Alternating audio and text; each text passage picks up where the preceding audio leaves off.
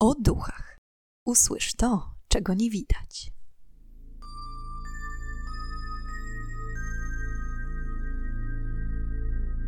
Witam i pytam, czego dusza pragnie. Strasznie miło mi gościć Was na moim kanale.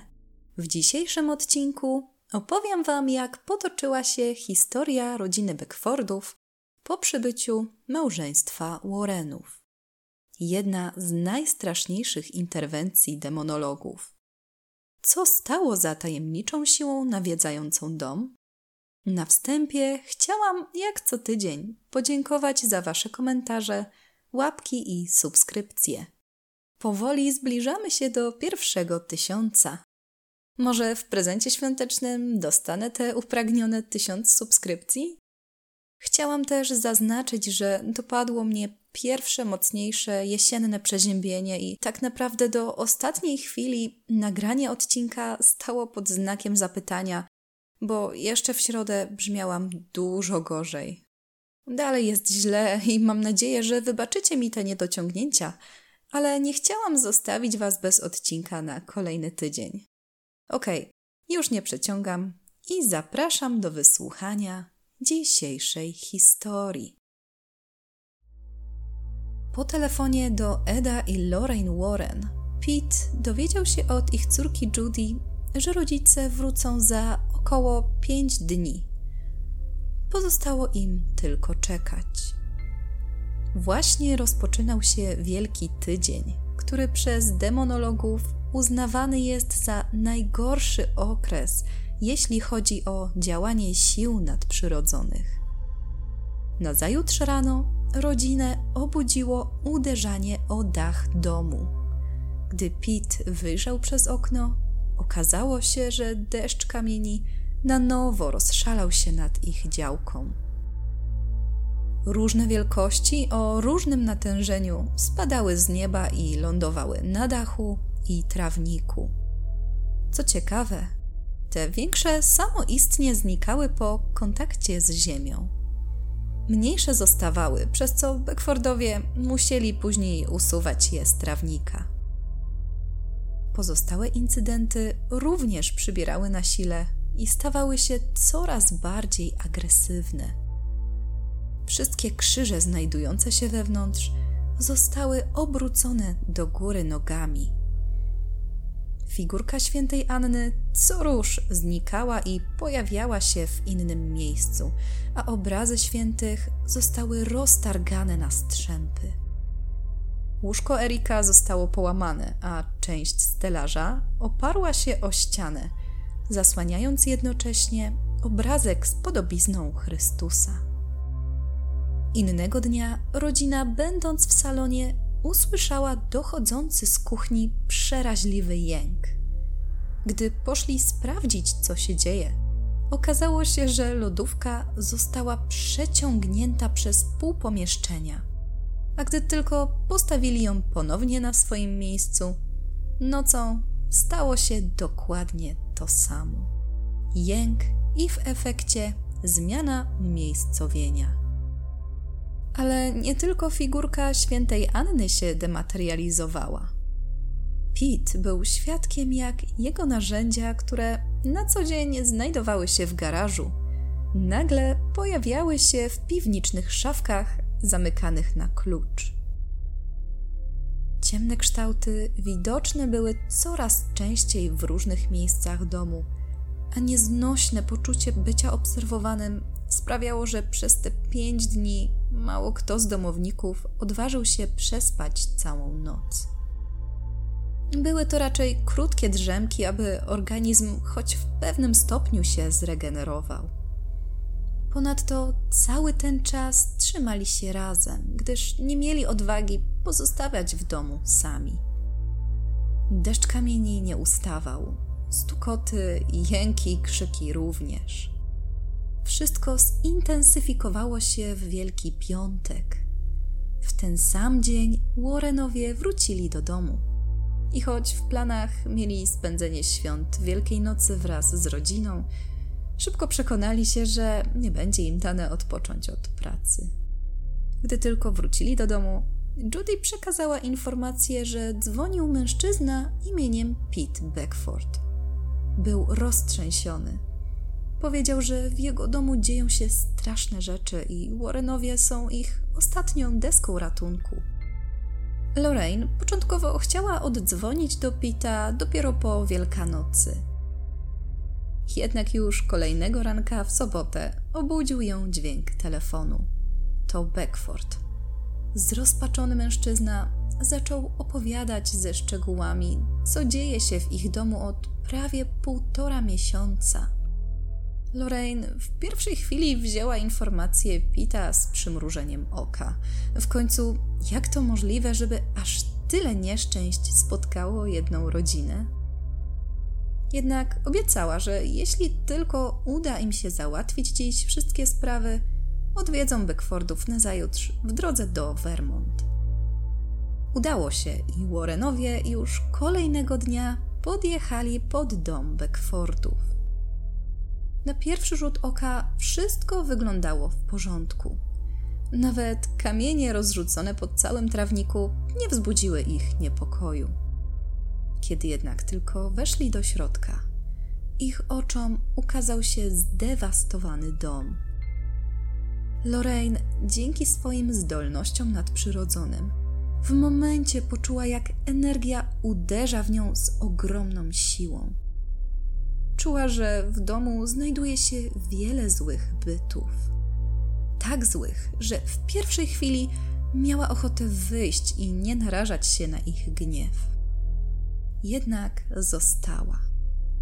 Po dokładnym obejrzeniu domu, Ed poprosił, aby cała rodzina dokładnie zastanowiła się, co mogło spowodować te wydarzenia i kiedy to wszystko się zaczęło.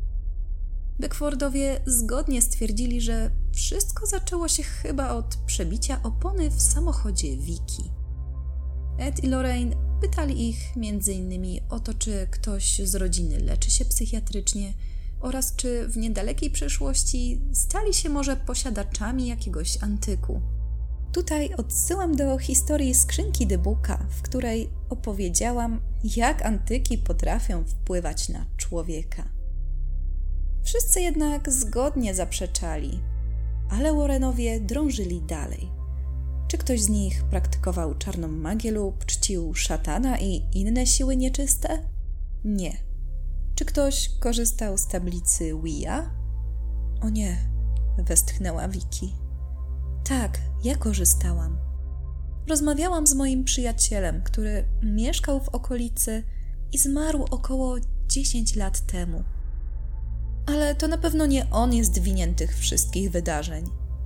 Dziewczyna opowiedziała, że duch zawsze był sympatyczny, komplementował ją, a nawet wyznali sobie miłość.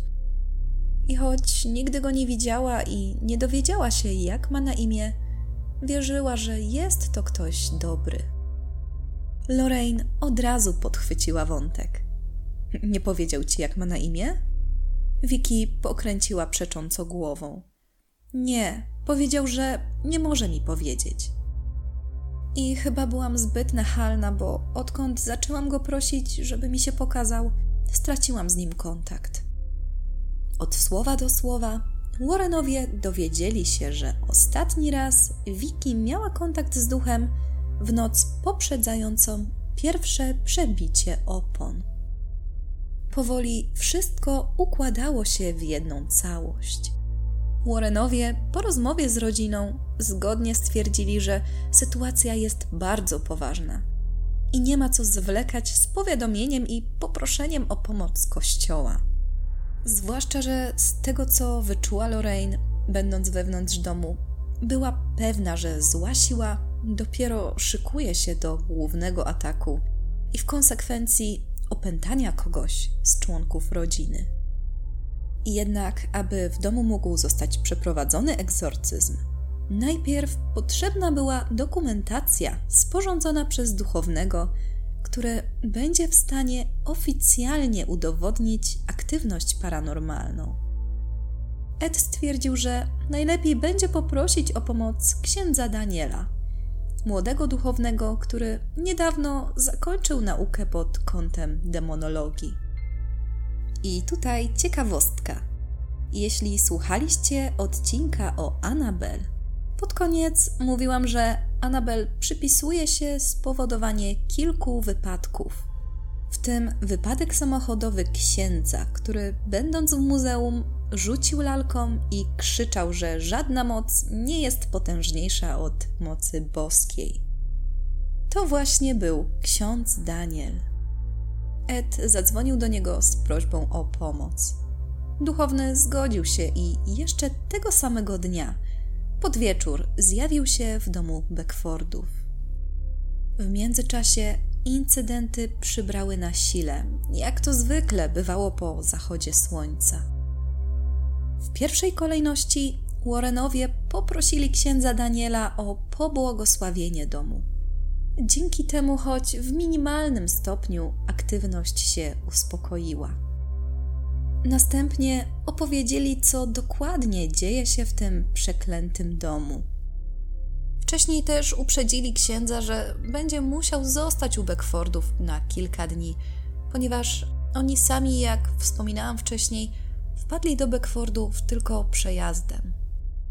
Te kilka dni zapoznawania się z problemem miały być dla księdza czasem wielkiej próby. Nie mógł dać się sprowokować ani ponieść emocjom. Warrenowie obiecali, że gdy tylko pozałatwiają sprawy w Vermont, wrócą i pomogą księdzu i rodzinie uporać się z demonami. Już wtedy byli pewni, że w domu obecna jest demoniczna siła. W dodatku pochodząca od więcej niż jednego demona. Warrenowie wyjechali jeszcze tego samego wieczora. Ksiądz Daniel od początku był świadkiem stukania, uderzania w ściany i poruszania się przedmiotów.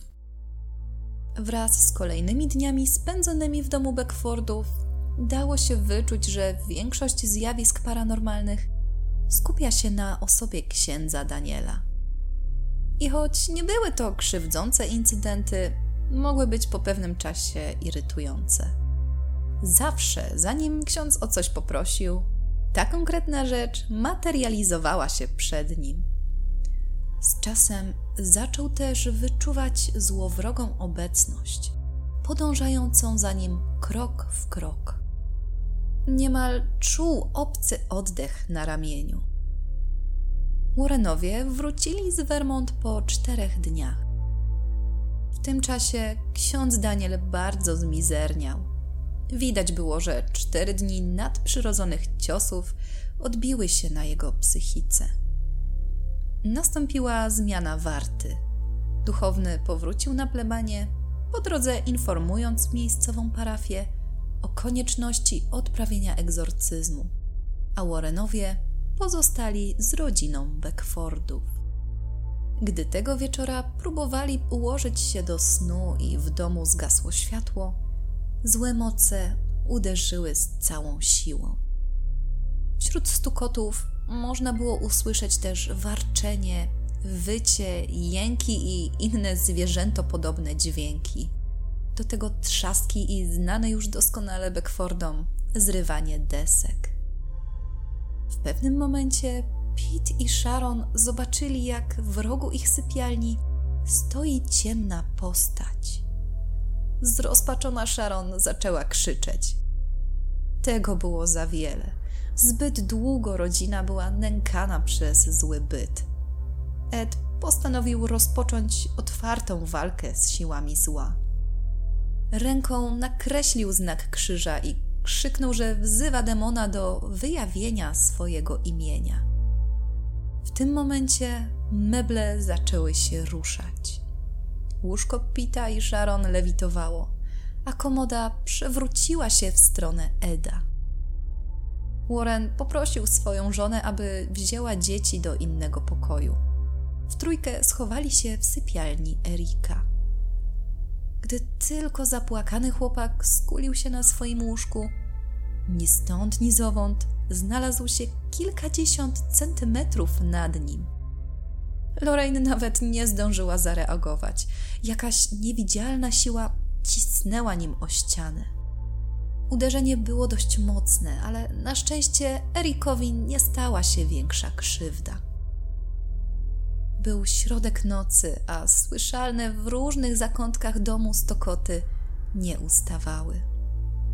To, co potwierdzało w stu procentach fakt, że demoniczne siły próbują zawładnąć domem, były po raz kolejny krucyfiksy ułożone do góry nogami. Kolejnego dnia koszmar trwał nadal. Był już 19 kwietnia, ponad półtora miesiąca odkąd pierwsze wydarzenia zadziały się w rodzinie Beckfordów. Wspomniane wcześniej bluźnierstwa przeciwko Bogu, jakie pojawiły się w pokoju Erika, teraz wymalowały się w sypialni Pita i Sharon. Najpierw w widocznych na pierwszy rzut oka miejscach na suficie i podłodze. Następnie tapeta, która sama odrywała się ze ścian, odkrywała kolejne słowa wypisane pod spodem. Toaleta co róż była wypychana ręcznikami i innymi materiałami, a obrazy samoistnie zaczynały płonąć. Ksiądz Daniel mógł dołączyć do Beckfordów dopiero za dwa dni, dlatego też Warrenowie odłożyli swoje plany na ten czas, gdyż bali się o zdrowie i życie rodziny, gdyby ta pozostała w domu sama. Domownicy wystrzegali się teraz przede wszystkim możliwego pożaru, jaki mogły spowodować buchające ogniem obrazy. W tym czasie spali na zmianę. Zawsze co najmniej dwie osoby stały na warcie, a reszta próbowała zregenerować wyczerpane organizmy. Poza wspomnianymi incydentami, meble nieustannie przemieszczały się po domu. Niektóre większe i mniejsze przedmioty dematerializowały się, aby pojawić się za jakiś czas w zupełnie innym miejscu, nierzadko totalnie niepasującym i absurdalnym. Na przykład łom w zamrażarce w piwnicy. Wszyscy, wycieńczeni ciągłą walką ze złem, z niecierpliwością oczekiwali nadejścia księdza Daniela, który zacząłby już zbieranie konkretnych dowodów potrzebnych do uzyskania pozwolenia na przeprowadzenie egzorcyzmu. I tutaj ciekawostka. Wcześniej księża nie potrzebowali oficjalnej zgody na przeprowadzenie egzorcyzmu. Warunek ten wszedł w życie w 1973, zaledwie rok wcześniej, zaraz po premierze filmu Egzorcysta. Było to spowodowane falą paniki, jaką wywołał film. Od tamtej pory, jako że społeczność z mniejszą ufnością patrzyła na Kościół, każdy egzorcysta przed dokonaniem egzorcyzmu musiał otrzymać pisemną zgodę biskupa.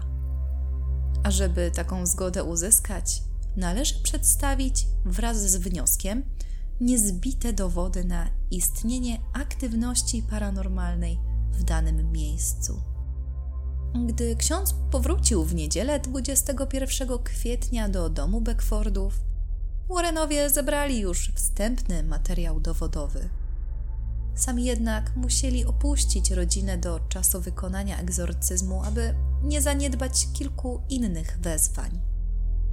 Jeszcze przed ich wyjazdem odbyli krótką rozmowę z duchownym, przekazując swoje ogólne wnioski, jakie wysunęli po kilku dniach spędzonych w domu.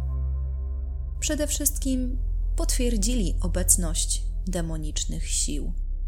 Co jednak ciekawe i najbardziej przerażające, uważali również, że przypadek Beckfordów jest zbyt agresywną formą ukazywania aktywności paranormalnej i podejrzewają, że za całym złem może stać coś więcej.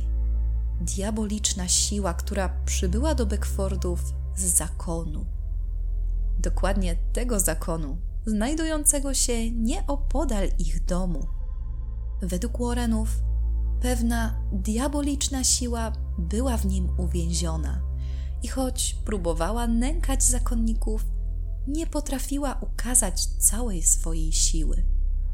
Więc gdy tylko nadarzyła się okazja i Pete przybył po pomoc, osłabiony już psychicznie i fizycznie mężczyzna stał się łakomym kąskiem dla siły wyższego zła. I jeśli przypuszczenia Warrenów były słuszne, duchowny na pewno miałby rozpoznać tę moc w ciągu najbliższych kilku dni, po aktywności jakiej nie dopuściłyby się wyłącznie demony. Ksiądz Daniel, zaniepokojony wieściami demonologów, ale też zdeterminowany do pomocy zrozpaczonej rodzinie, nie marnując ani chwili, rozpoczął zbieranie dowodów. Zaczął od ponownego przesłuchania Beckfordów, tym razem już sporządzając obszerne notatki. Poza skrajnym wyczerpaniem fizycznym, rodzina cierpiała także psychicznie, wiedząc, że są na skraju bankructwa. Po pierwsze, przez ciągłe naprawy zniszczonych mebli i innych elementów wyposażenia, a po drugie, przez zbyt częste nieobecności Pita w pracy, który zrywał się na pomoc przerażonym bliskim. Brak gotówki odbił się również na zdrowiu Pita, który na co dzień zażywał leki na chorobę wrzodową, z jaką się zmagał. Znikające raz po raz tabletki sprawiły, że nie było go już stać na wykupowanie nowych recept. Ksiądz Daniel próbował również wytłumaczyć rodzinie, dlaczego, mimo iż są osobami głęboko wierzącymi, przytrafił im się taki koszmar. Otóż, jeśli człowiek postępuje zgodnie z wiarą chrześcijańską, Bóg pomaga mu przetrwać trudy życia codziennego. Jeśli jednak wierny przeciwstawi się boskim zasadom i zrobi coś wbrew nim, w tym przypadku Wiki i jej igranie z siłami zła za pomocą tablicy Wia, to Bóg już nie jest w stanie pomóc. We wtorek bardzo późnym wieczorem ksiądz Daniel rozmawiał z Edem przez telefon. W pewnym momencie zauważył, jak z pokoju, który aktualnie zajmował, lewituje jego różaniec i kieruje się najpierw w stronę schodów prowadzących na parter, a następnie owija wokół nogi od krzesła w jadalni. Ksiądz był pewien, tutaj nie ma zwykłych demonów musi być obecna jakaś większa, mroczniejsza siła pochodząca od samego diabła. Demony nigdy, przenigdy nie odważyłyby się dotknąć ani tym bardziej wprowadzić w ruch świętych przedmiotów. Ksiądz od razu przekazał tę informację Edowi. Musieli uciekać.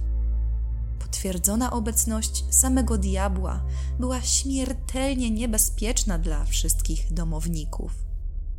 W związku z tym, jeszcze tej samej nocy ksiądz Daniel powrócił do swojej parafii, a cała rodzina Beckfordów poprosiła o przenocowanie u rodziców Pita. Niestety, podobnie jak podczas nocowania w motelu, teraz również złe siły nie opuściły Beckfordów. Cały wtorek słychać było postukiwanie rozlegające się po domu rodzice Pita, którzy nie mieli pojęcia, co takiego dzieje się w domu ich syna, co jakiś czas, słysząc stukanie, pytali, czy inni też to słyszą, czy im się to tylko wydaje. W środę, podobnie jak wcześniej w domu Beckfordów, u rodziców Pita zawory kaloryferów puściły i zaczęły zalewać mieszkanie. W tym samym czasie ksiądz Daniel również doświadczał obecności sił demonicznych na swojej plebanii. Widywał ciemne kształty w rogach pokoju.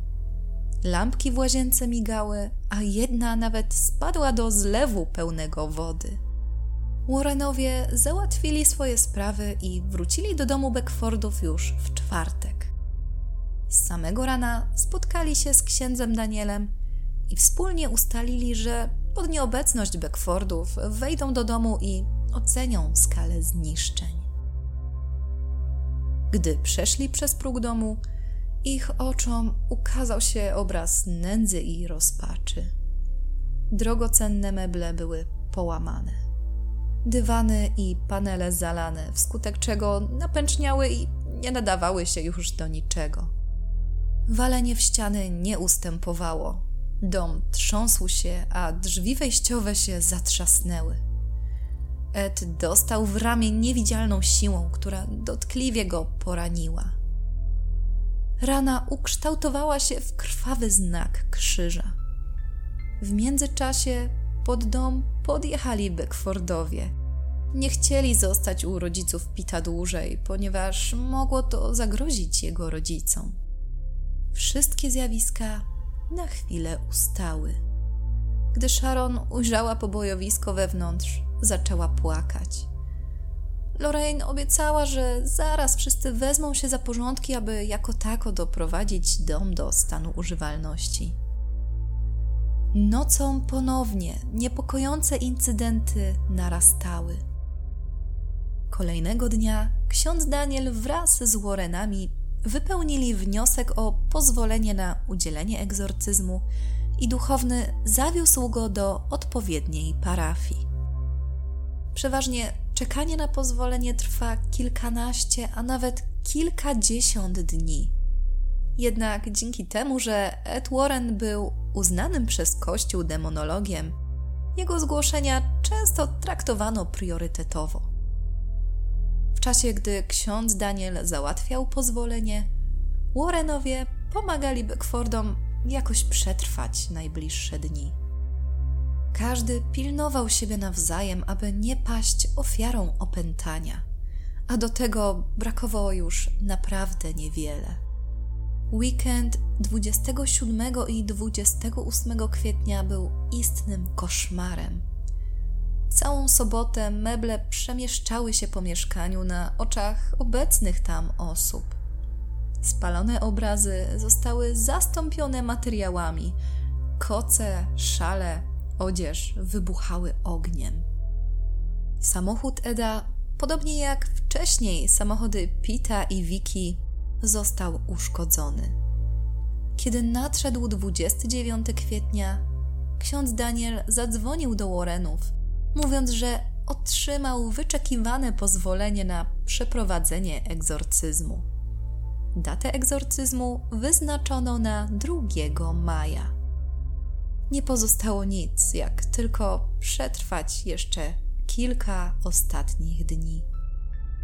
W tamtym czasie zjawiska miały być bardziej agresywne, szybkie i nieprzewidywalne. Coraz większe przedmioty dematerializowały się i pojawiały w innych miejscach, często w piwnicy. Ostatnie dni przed egzorcyzmem były okropne. Nikt już prawie nie spał. Pozwalali sobie jedynie na krótkie drzemki, zamiennie z patrolowaniem całego domu, przede wszystkim pod kątem ewentualnych pożarów mogących być wywołanymi przez płonące materiały.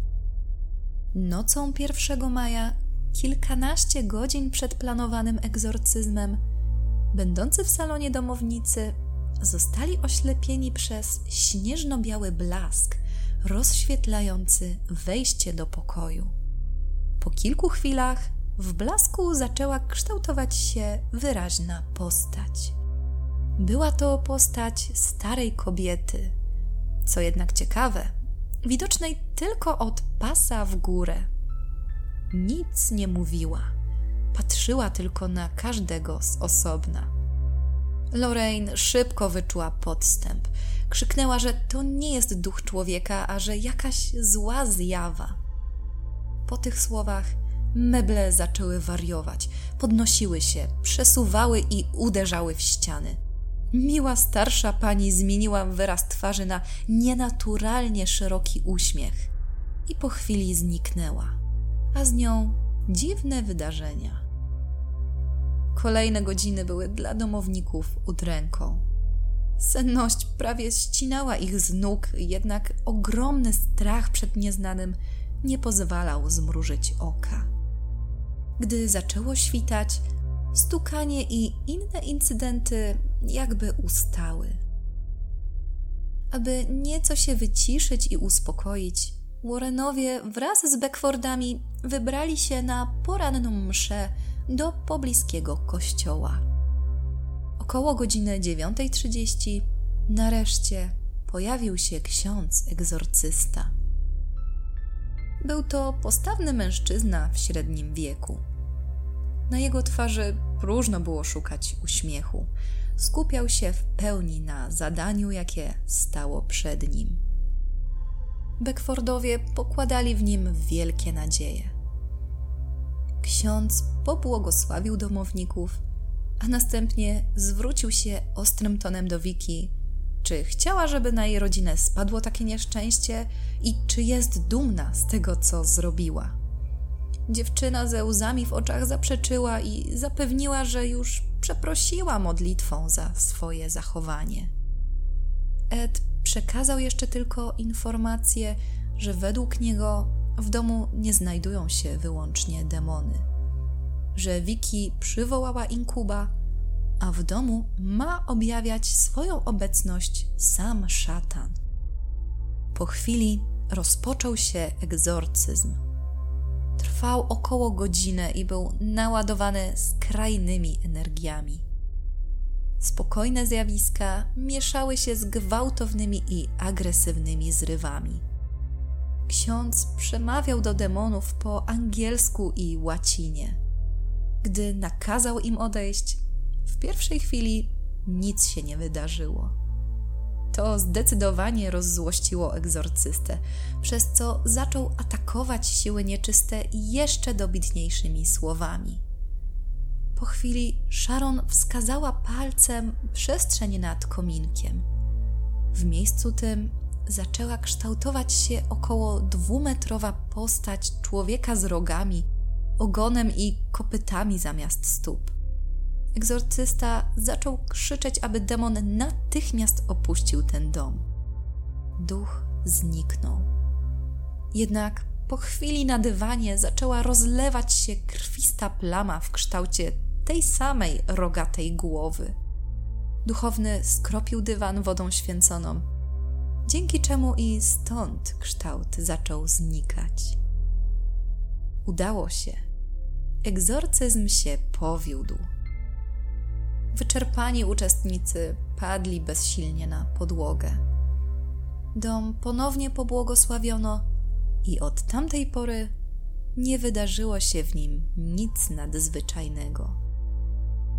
Po skończeniu szkoły Erik wyjechał na studia, a Vicky, zgodnie z przepowiednią jej ezoterycznego ukochanego, została matką i wychowywała dzieci. Pete i Sharon pozostali w domu do późnej starości i wiedli spokojne życie. Przypadek Beckfordów jest zakwalifikowany jako prawdziwy atak samego szatana. Trwał około 60 dni i pozostawił trwały ślad na psychice członków rodziny. I są to wszystkie informacje, jakie udało mi się wyczytać na temat historii rodziny Beckfordów. Chciałam z tego miejsca podziękować użytkownikowi Why You Color Me Blue za polecenie tego tematu w komentarzu. Jeśli Wy również macie pomysł, na jaki temat mogłabym nagrać kolejne odcinki, śmiało piszcie. Po zapoznaniu się z tą historią, Zastanawiam się, czemu nie została ona wykorzystana przy kręceniu obecności lub innego filmu z uniwersum. Jestem też ciekawa, jakie Wy macie zdanie na temat tej historii. Dziękuję Wam za dziś i już teraz zapraszam Was na kolejny odcinek podcastu o duchach, w którym ponownie zadamy pytanie, czego tym razem dusza zapragnie. Do usłyszenia